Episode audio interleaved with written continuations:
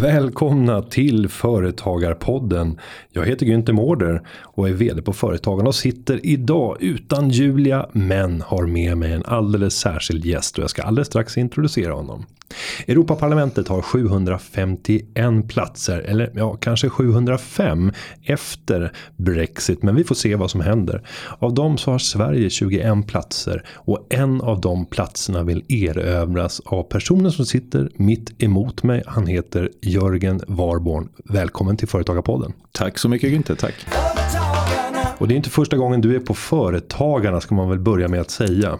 Nej, det stämmer. Jag har ett litet förflutet här. Jag är ju riksdagsledamot idag men eh, jag har tidigare suttit i riksstyrelsen här hos Företagarna. Och inte bara det utan ett längre engagemang i, i organisationen. Ja, det, så är det. Jag drev företag eh, hemma i Varberg där jag bor och eh, engagerade mig i Företagarna och var upprörd över regelkrångel tror jag det var eller något sånt där som gjorde att jag gick igång och engagerade mig och då blev ju Företagarna en, en väldigt bra sätt att kanalisera sitt engagemang i. Och vi har valt att bjuda in alla tidigare engagerade i Företagarna som eh, kandiderar till att bli Europaparlamentariker och befinner sig på en rimlig plats för att kunna få en plats. Och där var du den enda. Ja. Varför, var, varför är det så? Nej, varför är inte fler företagare ja, engagerade? Nej, men det är väl en uppmaning som både du och jag kan ge antar jag. Att eh, fler som eh, driver företag engagerar sig i politiken också. Det, jag tror att det är helt avgörande. Det är ju många från olika delar av samhället som engagerar sig i politiken men vi är alldeles för få företagare egentligen. Jag ser ju det i riksdagen. Det är för få riksdagsledamöter som har en företagarbakgrund och det behövs. Det behövs flera olika bakgrunder men, men speciellt från eh, med erfarenhet att driva företag. Och om man ser till ditt politiska engagemang så är det omfattande på kommunnivå. Jag vet inte hur det ser ut på regionnivå. Ja, just det. Jag var ju kommunstyrelsens ordförande mm. i min hemort i Varberg. Och eh, jag satt under en period också i regionstyrelsen i Region Halland.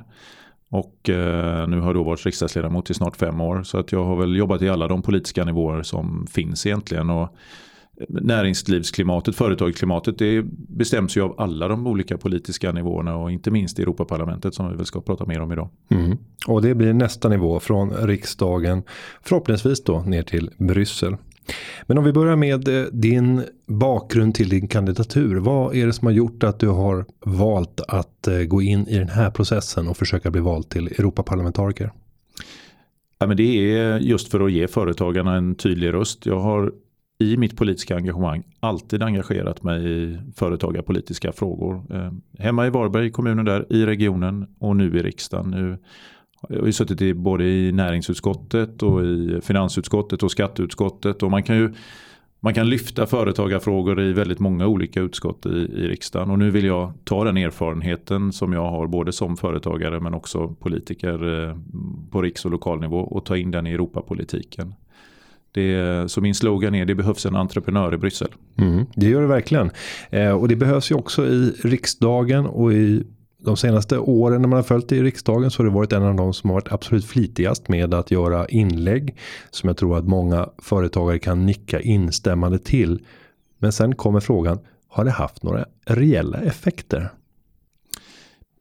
Det är väldigt svårt att mäta naturligtvis vad en enskild person gör. Man gör ju en hel del insatser bakom kulisserna också. Försöker från sin sida påverka eh, sitt eget parti i olika riktningar. Ehm, och naturligtvis eh, i riksdagsdebatter också på olika sätt. Och inte minst har jag interpellerat eh, ett flertal olika ministrar i de frågorna som är, som är viktiga för företagarna.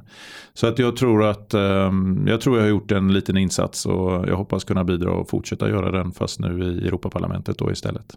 Samtidigt ser vi ju att Eh, hela riksdagen och inte minst regeringen har ju, jag ska inte säga proppfullt av, men väldigt många personer med en lång facklig bakgrund där du och, alla andra med företagarbakgrund har varit de som har finansierat de här personernas utbildningsresa och senare politiska gärning. Genom att kunna vara borta från jobbet under sina utbildningspass och kunna växa in i en politisk roll.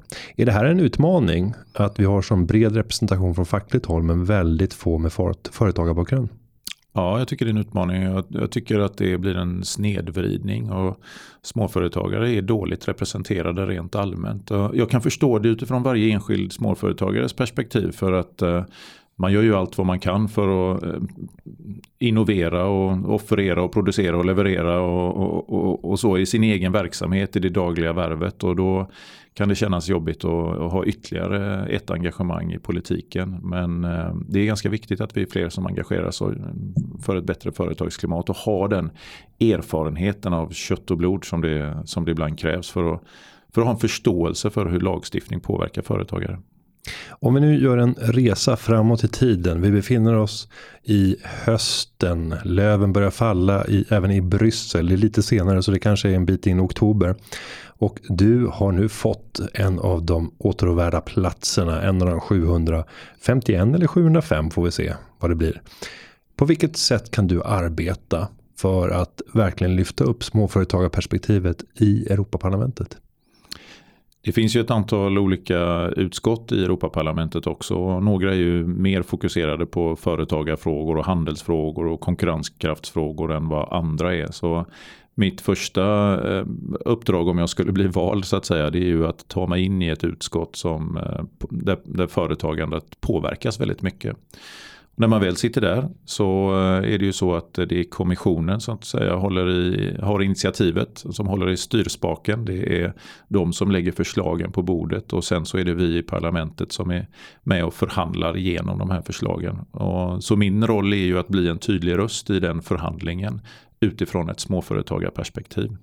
Men att ta sig in, det låter som att det blir ett väldigt maktspel efter att eh, man har utsett de här 751 ledamöterna. Vad är det som händer egentligen och hur positionerar man sig inför vilka utskott man kommer i? Ja men så är det. Vi har ju um, de olika politiska partierna ingår ju partigrupper i Europasammanhang. Så att eh, jag representerar ju Moderaterna, det kanske inte nämndes, jag vet inte. Men, Nej, det det faktiskt jag inte. tror vi glömde det. Mm. Men eh, jag representerar ju Moderaterna och Moderaterna sitter då i gruppen EPP. Ehm, det är moderater och kristdemokrater från, eh, från Sverige som sitter tillsammans där. Och då gäller det ju att de, vi, vi 20, total, totalt är det 20 ledamöter från Sverige som, som det är idag. Då. Och de, de ska ju sitta och försöka täcka in de intresseområden man har, de olika 20 personerna. Så först är det en förhandling på något sätt inom sin partigrupp för att säkerställa att man får den platsen man vill ha egentligen. Ehm, vi har ju haft eh, företrädare där idag som det är ju Gunnar Hökmark, det är Kristoffer Fjellner och Anna-Maria Corazza Bildt. Alla de tre har ju olika delar jobbat med de här frågorna också. Så att jag hoppas kunna ta över lite eh, av det engagemanget de har haft i de frågorna och eh, även öka takten i en hel del frågor som berör småföretagandet. Då. Så att första grejen är att, så du har rätt i det, det är en, det är en form av maktkamp eller vad vi ska säga för att ta sig dit man vill. Men eh, jag har varit ganska tydlig med vad jag vill göra också. Det tror jag är grund och botten det som gör att man kan göra skillnad. Det vill säga min, min, min kampanj som jag bedriver just nu den är ju med en sakfråga. Det är företagande. Det är lyfta den frågan. Sverige, svenska företags konkurrenskraft. Eh, möjligheten att handla mer. Det är eh, ökad regelförenkling. Det är liksom det jag driver. Och vi har många vi har ju som sagt ett helt, eh, vi har många, många kandidater som driver många olika linjer men min linje är företagandes linje och så är det andra som driver andra frågor. Så jag tror jag har en, en bra chans att, att, att komma in i just de utskotten jag vill där jag kan påverka. Och om vi nu går till sakpolitiken och tittar på Europaparlamentet 2019 och fram fem år i tiden, vilket är en mandatperiod. Vad är det för viktiga frågor som du ser kommer dyka upp på bordet? Vad är det vi känner till i dagsläget där det är viktigt att ha en entreprenör som sitter med i de här diskussionerna och senare besluten? Det är flertal. Jag tror att vi har, eh, för att nämna några i punktform, så har vi frihandelsfrågan. Den är oerhört avgörande. Vi har frågan runt den inre marknaden. Vi har frågan runt regelkrångel och vi har frågan runt EUs budget. Det är de fyra frågorna som jag tror är allra, allra viktigast. Och vi kan väl vi kan väl ta dem var och en lite grann och, och diskutera dem. Om vi börjar med, med frihandeln då och, och ser till vilka är de största frihandelsfrågorna om du betraktar den lilla företagaren. Småföretagens perspektiv, vad är det som är viktigt när det kommer till frihandel för, för den här gruppen? Då, dels så, så ser vi ju så här nu att nu, nu verkar frihandeln vara utmanad internationellt sett. Kina har under en längre tid spelat eh, fulspel på den internationella marknaden. De skickar in statsstöd, alltså skattemedel i sina bolag. Kinesiska bolag har också en, eh, de har stulit vår know-how på olika sätt. Alltså eh, patent och varumärken och alltså piratkopiering helt enkelt. Det där har Trump och den amerikanska administrationen sett och de eh, försöker möta det. Och det är bra, de gör rätt analys att Kina har gjort detta. Men å andra sidan så har de fel medel eh, för att motverka det, det vill säga de höjer tullar. Och då startas det en handelskrig mellan Kina och USA och där Europa och Sverige också dras in. Så för svenska företag som exporterar så är det här mycket dåliga nyheter. För dels blir man klämd från Kina som alltså dopar sina företag med statliga medel. Och så blir man klämd från den amerikanska eh, tullarna, vilket gör det svårare att sälja in på den amerikanska marknaden. Ehm, det, det, där vill jag vara en väldigt tydlig röst för frihandeln. Att säkerställa att vi kan sluta fler frihandelsavtal. Och för, för att bli lite extra konkret så ett, det senaste frihandelsavtalet vi har det slöt vi med Japan och just i det avtalet så finns det ett kapitel som beskriver småföretagandet. Det vill säga att både Japan och EU förbinder sig att underlätta för småföretagare att handla med varandra. Och här finns en enorm potential. Att möjliggöra för svenska företag att, eh, att ta sig an den japanska marknaden. Så att fler frihandelsavtal och alla borde ha ett småföretagarkapitel. Och när vi ser på strategin framåt för frihandelsavtalen så kan man ju dels titta på de här gigantiska avgörande frihandelsavtalen. Där hade vi TTIP med USA, EU som har gått i stå och fått väldiga problem med att komma framåt. Men då har man från EUs sida valt eh, en mängd, ja Japan är inget litet, ingen liten ekonomi, men man har valt flera också mindre ekonomier där man har förhandlat fram avtal. Är det den rimliga vägen framåt. Att lägga mer energi på sånt som vi ser är framkomligt istället för att försöka lösa TTIP-frågan. Gärna TTIP, gärna ett avtal med USA men eh, jag tror att så länge Trump sitter där så är inte det den framkomliga vägen. Och eftersom jag är en frihandelsvän och vill underlätta för svenska företag att handla eh, med så många länder som möjligt utan några handelshinder så ska vi sluta fler, fri, fler avtal och då gör vi det med andra länder tills eh, tills den amerikanska administrationen består av någon annan president.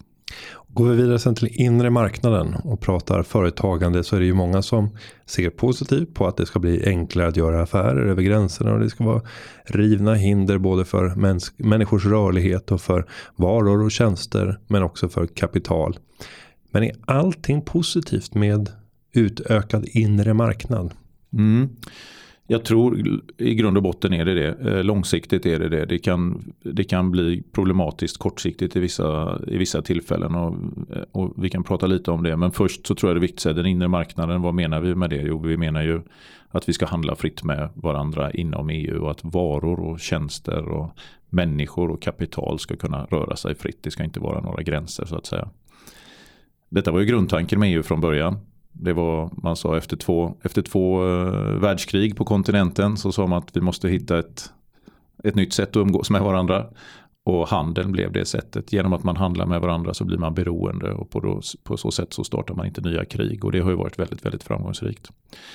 Om man tittar då för Sverige som en rimligt liten, ett rimligt litet land med 10 miljoner konsumenter, kunder här så har ju våra svenska företag ett behov att nå ut större, ut till vår, en större hemmamarknad och den hemmamarknaden är ju de 510 miljoner eh, européerna. Så att eh, vi behöver helt enkelt eh, underlätta handeln och den har stannat av inom EU. Varor och tjänster, tjänster ökar lite lite svagt men varor är helt stabilt sedan flera år tillbaka. Vad är din analys bakom orsaken?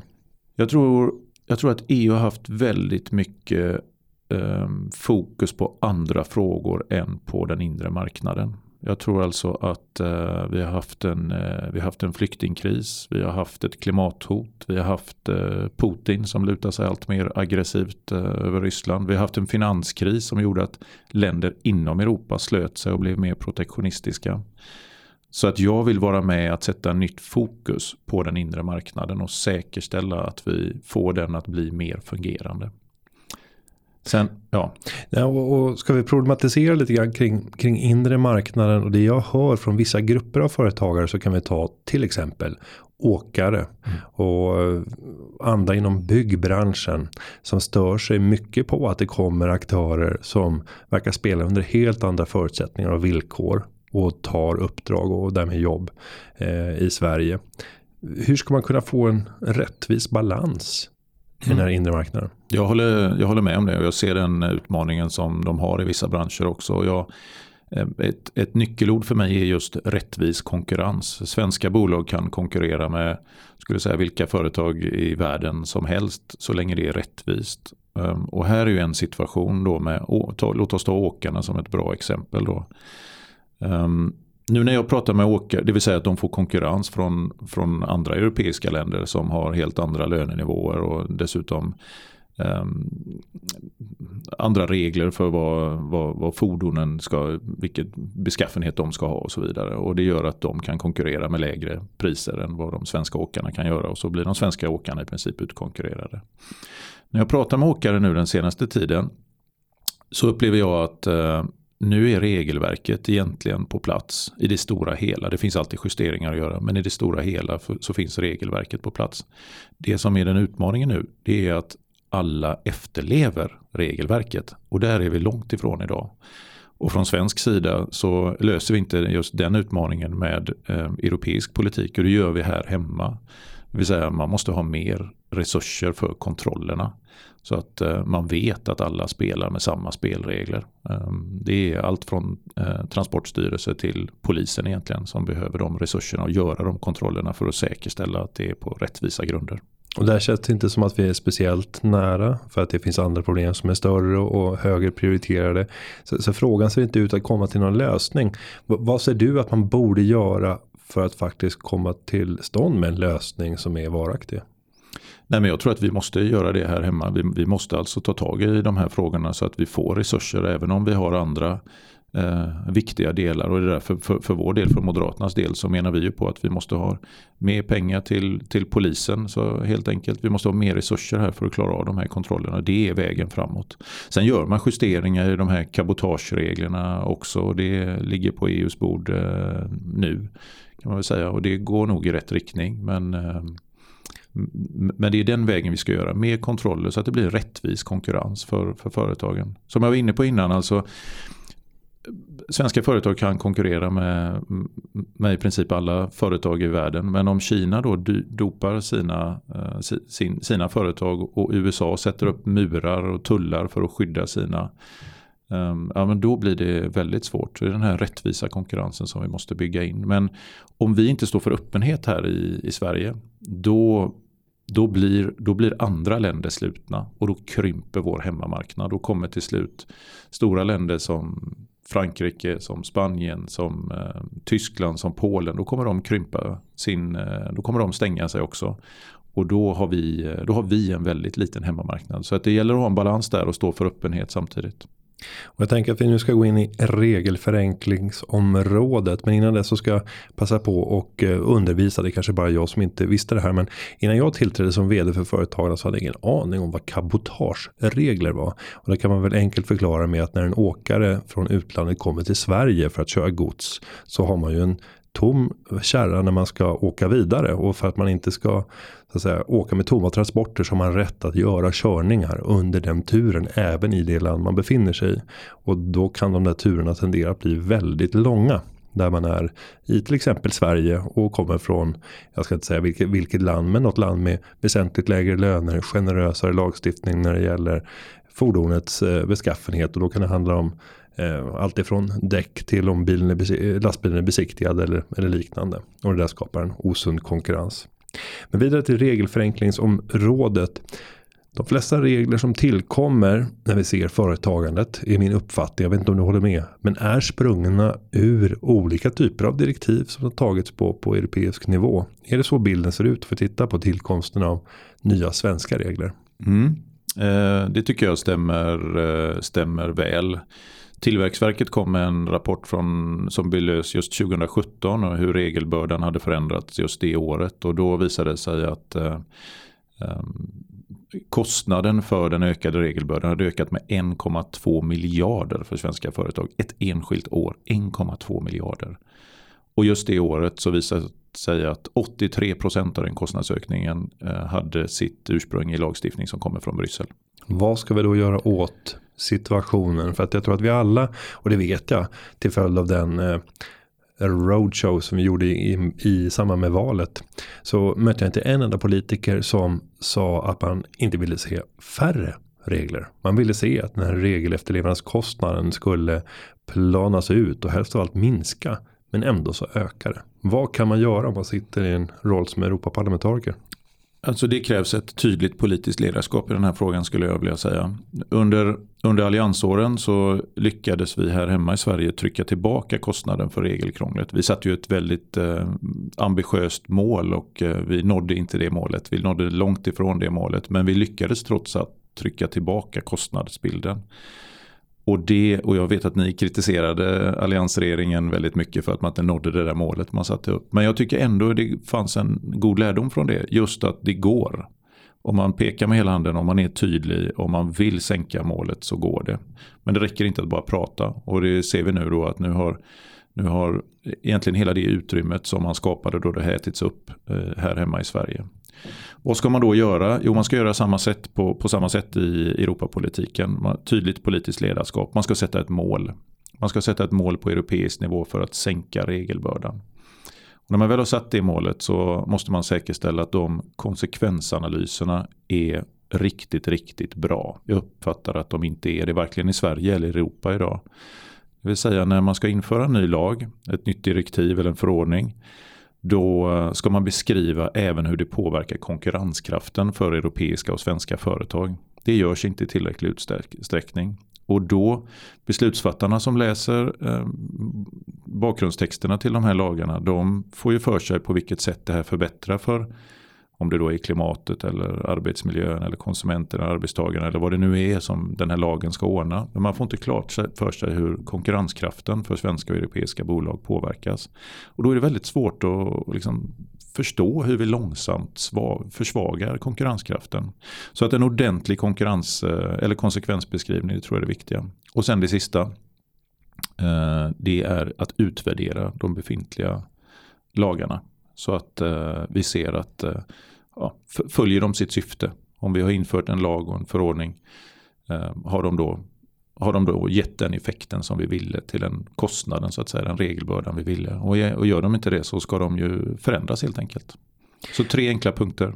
Och, och tar vi just ett direktivs resa från beslut i Bryssel till implementation i medlemslandet så kan man ju jämföra det lite grann med en, ett skolklassrum där eh, läraren delar ut en hemuppgift och sen ska alla hem och göra den för att sen återrapportera hur den blev gjord. Och tittar man på ett direktiv på det sättet så har ju varje nation en ganska stor frihet att eh, implementera det här på lite olika sätt. Sverige tenderar att alltid vilja vara den där A-eleven som ska överprestera och eh, gå så långt som möjligt för att täcka in alla möjliga tolkningar av det här direktivet. Är min personliga uppfattning. Hur ser du på det och är det vettigt att Sverige har den linjen i Europa? Nej, det är inte vettigt att Sverige har den linjen. Är det så till att börja med? Ja, det är så. Det är min bild också. Och det, jag tycker när jag är ute och träffar företagare så när jag beskriver den här överimplementeringen. Eh, jag använder inte det här klassboksexemplet som du har, men, eller klass, skolklassexemplet. Men jag tycker alla i princip nickar och håller med och har en känsla av att det är sådär. Så att jag, jag, tror att bilden stämmer och, och då är frågan vad ska man göra åt det här? Och då tror jag även här hemma på de här konsekvensbeskrivningarna. Och det är faktiskt så att nyligen så eh, röstade vi i riksdagen om eh, där vi fick majoritet igenom för, för att nu ska det alltid finnas en konsekvensbeskrivning hur konkurrenskraften påverkar. Eh, jag ska rätta mig där. Det är så här, man ska alltid när man inför nya direktiv ta hänsyn till konkurrenskraften. Så är beslutet. Man ska alltid ta hänsyn till konkurrenskraften. Och det är, det, det är, en, det är en viktig seger skulle jag vilja säga. Ehm, för företagsklimatet långsiktigt. Det kommer inte kicka in direkt men så småningom. Och där behövs det ju sakkunniga som kan ge vittnesmål från företagandet för att beskriva hur skulle det här komma att slå. Hur säkerställer man att den kunskapen finns hos eh, svenska politiker om det är så få företagare som ska sitta och granska de här konsekvensanalyserna? Idag är det ju så här att idag, idag ska man alltså skriva konsekvensbeskrivningar och det finns en förordning precis hur de där konsekvensbeskrivningarna ser ut. Och sen så är det regelrådet som granskar konsekvensbeskrivningarna och så ger de tummen upp eller tummen ner för om det här var en bra konsekvensbeskrivning.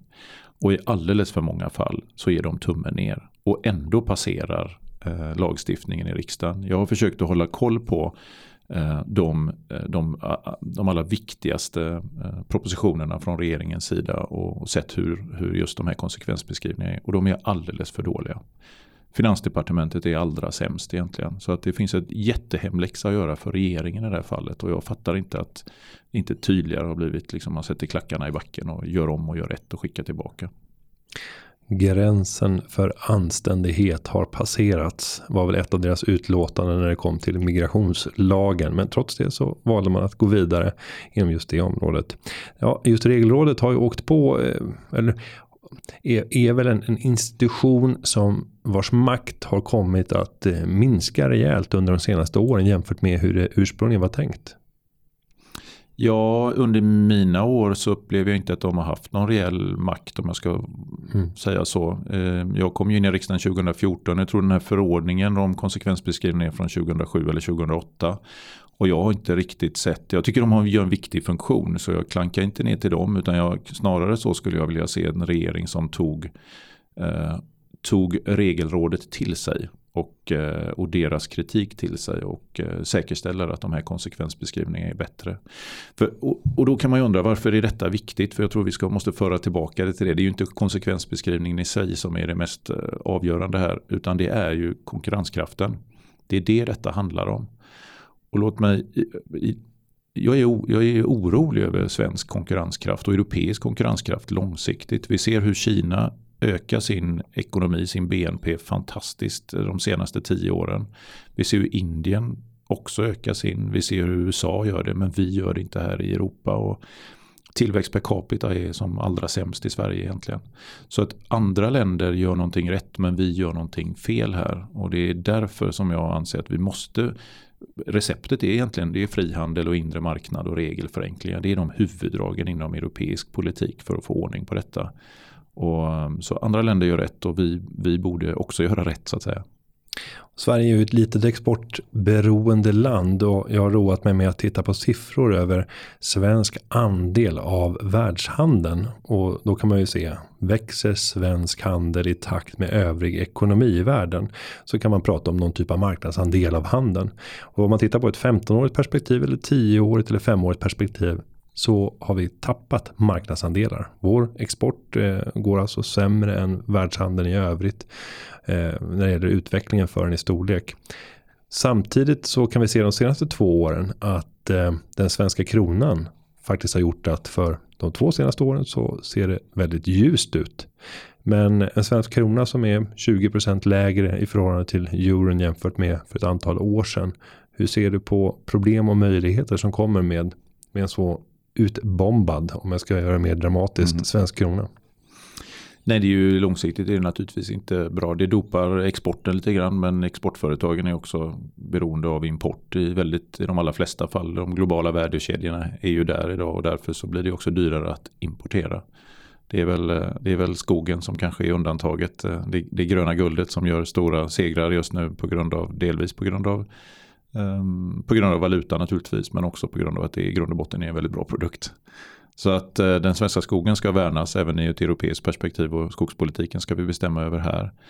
Um, valutapolitiken lika så. Vi säger ju nej från Moderaternas sida till att införa euro och liknande. Eh, eller liknande, att införa euron helt enkelt. Det är inte aktuellt nu. Vi har haft en folkomröstning om, om det och svenska folket har sagt nej och de verkar inte ha velat ändra på sig i de opinionsmätningar som finns runt det. Så det är ett tydligt nej från vår, från vår sida i den frågan. Svängde Moderaternas uppfattning i samband med den valnatten där nejet blev vinnare 2003? Mm.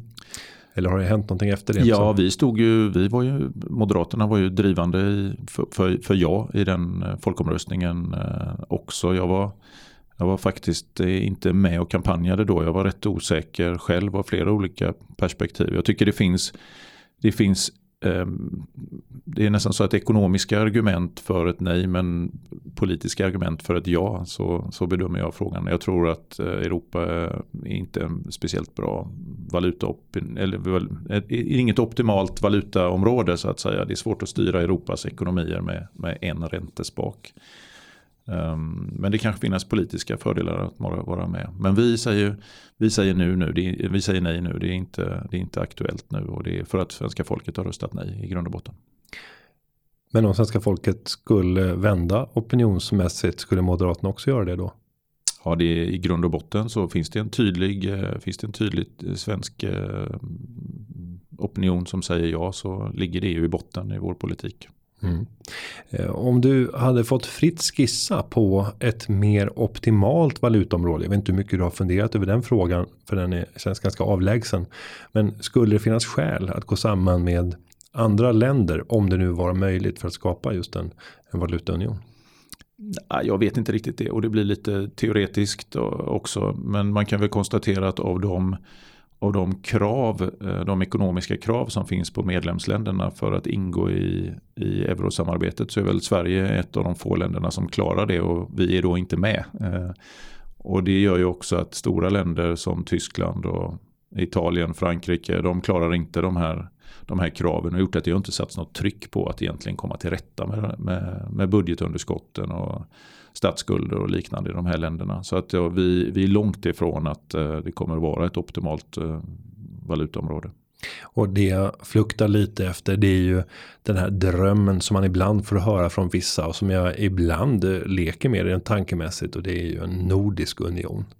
Eh, för nog hade det funnits ganska goda förutsättningar för att kunna skapa ett, ett inre Norden och en nordisk union. Även om det blir främmande för det här samtalet för att nu har vi det vi har. Men... Ja, men låt mig sträcka så här då. För att vi ser ju nu vi ser ju nu med Brexit, om det blir ett Brexit eller inte, det är svårt att avgöra. Men man kan väl ändå säga att vi har haft en, en bundsförvant. Sverige och Storbritannien har ofta tänkt väldigt likt i sammanhang när vi har förhandlat inom EU. Om nu Storbritannien försvinner så försvårar det ju för våra möjligheter att få genomslag för ska vi säga, den linjen som Sverige, Storbritannien och några fler länder har drivit. Och då tror jag att det är viktigt att samla eh, ett nytt gäng, att hitta, ett, hitta bundsförvanter, nya bundsförvanter. Och då är det ju naturligtvis de nordiska länderna eh, som är viktiga att ta med. Det Holland brukar vara vänner till oss också. Eh, I vissa fall Polen, Tyskland. Eh, behöver vi eh, ännu mer starkare band till och, och hitta ett sätt att ta rygg på men också påverka dem. Så att man pratar ju om någon slags Hansa 2.0 för att, och baltstaterna borde jag naturligtvis nämna mm. också i detta. Som eh, kan vara en, en, en, vad ska vi säga, en, en maktkoncentration i EU för att få genomslag för de frågorna som är viktiga för oss. Och om vi då ändå är inne på EUs framtid så kommer ju Storbritanniens eh, förmodade exit från EU att innebära ett större ekonomiskt hål. Eh, då måste man också sätta det i ljuset av en möjlig framtid för unionen. Hur ser du att man ska täcka upp för det hål som bildas efter eh, en sannolik Brexit? Försvinner medlemsintäkter från EUs budget då måste man rätta mun efter matsäck. Ehm, det gäller att eh, in, vi står inte för en linje att man ska öka medlemsavgifternas eh, eller ländernas kostnad in i EU utan vi ska behålla den linjen helt enkelt den som vi har. Vi ska, det ska inte bli dyrare för svenska skattebetalare för att Brexit eh, blir av så att säga. Det är inte en linje som alla svenska partier och definitivt inte alla i Europa eh, kör fram men det gör vi. Man rättar mun efter matsäck. Sparad krona brukar väl mm. du säga. Eh, det tror jag är ett viktigt perspektiv i det här också. Då. Och då ska man veta att EUs budget är ju två riktigt stora påsar pengar. Och om jag hårdrar det lite så är det eh, 40% av budgeten går till jordbruksstöd och 40% går till sammanhållningspolitiken som, ehm, som, som hjälper till att få upp eh, levnadsstandarden i alla europeiska länder egentligen. Och här tycker vi att man borde eh, göra om EUs budget ordentligt. Man borde satsa mer på konkurrenskraft och mindre på stöd och bidrag. Mer på forskning och utveckling.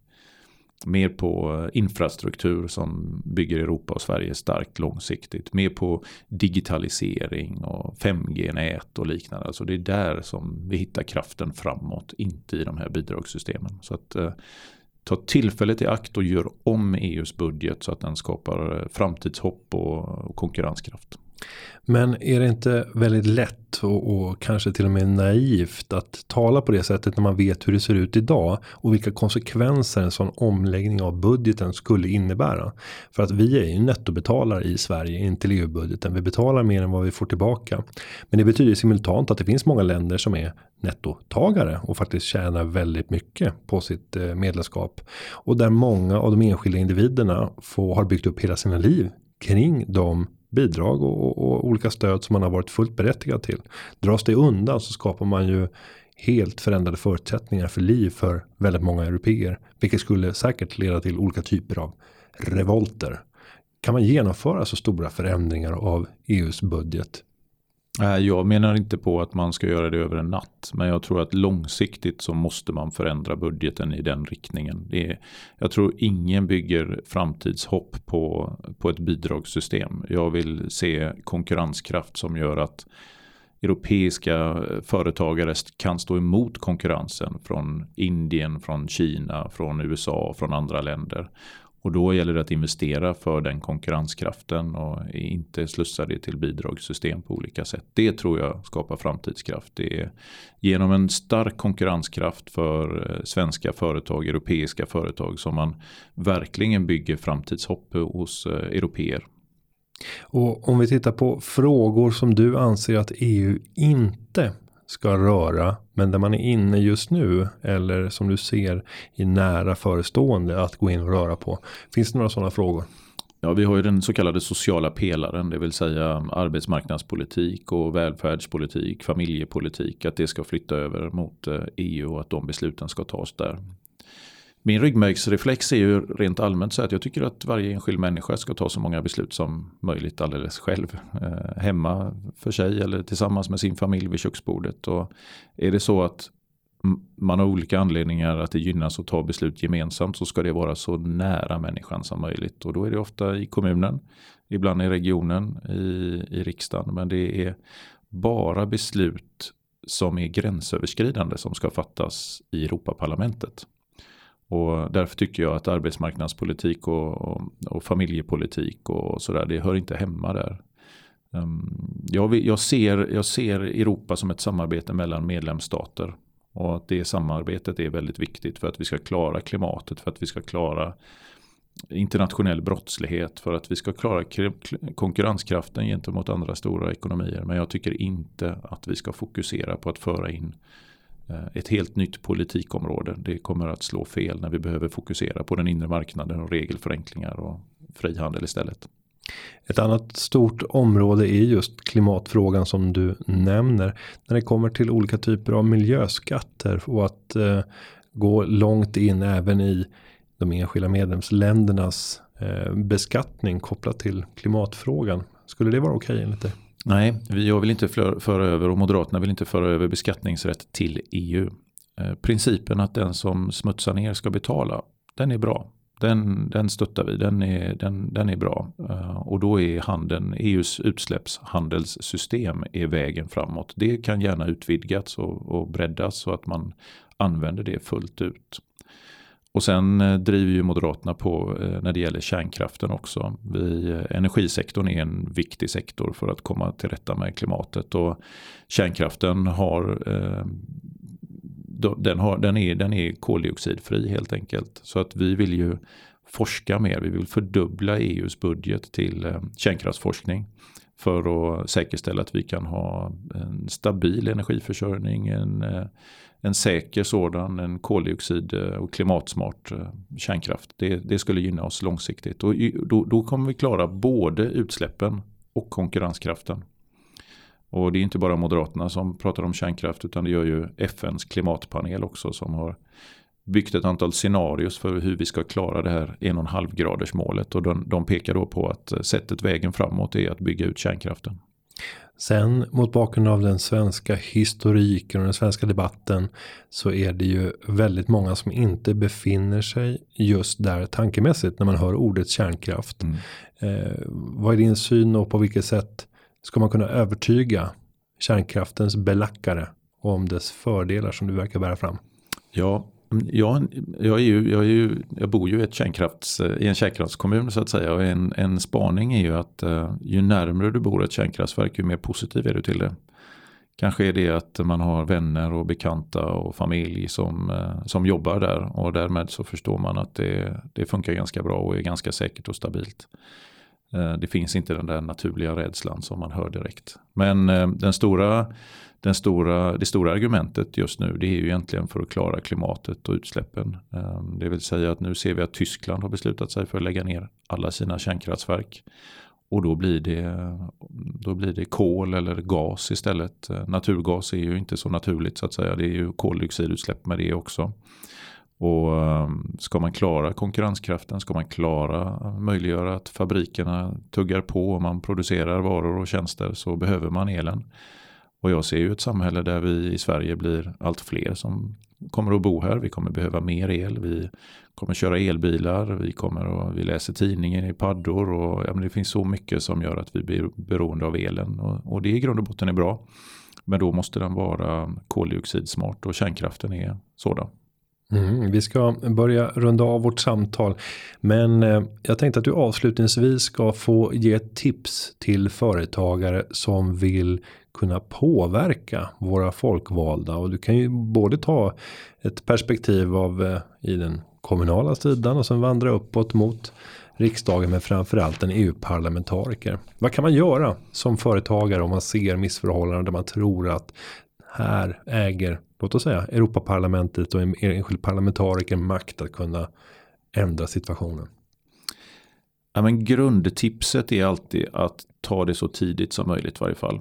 Eh, det vill säga när du, när du reagerar på någonting så kontakta någon så tidigt som möjligt. Det är ett tidigt skede man kan påverka. Ju senare det är, ju närmre det är att klubban slås i bordet så att säga, ju svårare är det att påverka. Och vem ska man då kontakta? Ja, men man, man kan ju alltid kontakta sin, sin politiker oavsett om det är lokalt eller om det är regionalt, nationellt eller sin Europaparlamentariker så att säga. Men man kan ju också välja att gå genom intresseorganisationerna som företagarna själv eller branschorganisationer eller hur man nu, hur man nu har kanaliserat sitt, eh, sitt engagemang. Och här, eh, det är väl en viktig signal att göra det också för att då tittar vi framförallt i EU-politiken så kan det vara väldigt svårt att veta, få tidiga signaler. Så att eh, därigenom så behöver man de här branschorganisationerna eller företagarorganisationerna som kan skicka varningsflagg när det är, är någonting på gång. Mm. Ja, det är mycket att sätta sig in i och jag vet att eh, en av de frågor som mm, skapade mycket frustration förra året var ju införandet av GDPR och många företagare kom in och insåg att det här hade beslutats långt, långt senare. Först när det var dags för implementation. Så att det kan vara värt att engagera sig och eh, vi från företagarnas sida kommer göra allt som går för att bevaka dig och dina intressen som företagare. Och jag kan också säga att vi gör det tillsammans med vår samarbetsorganisation på europeisk nivå som heter SME United. Men med det så skulle jag vilja tacka Jörgen Warborn för att du har kommit till Företagarpoddens studie och delat med er av dina tankar inför valet den 26 maj. Stort tack! Tack så mycket! Jättetack för att jag fick komma hit. Tack! Och med det ska jag säga att podden avslutas härmed och underlaget är förberett av David Hagen och klippningen den är gjord av Gustav Dalesjö. Vi hörs igen nästa vecka. Ha det så gott. Hej då! Företagarna, Yeah yeah yeah yeah yeah yeah. For the tall girl now. Yeah yeah yeah yeah yeah yeah.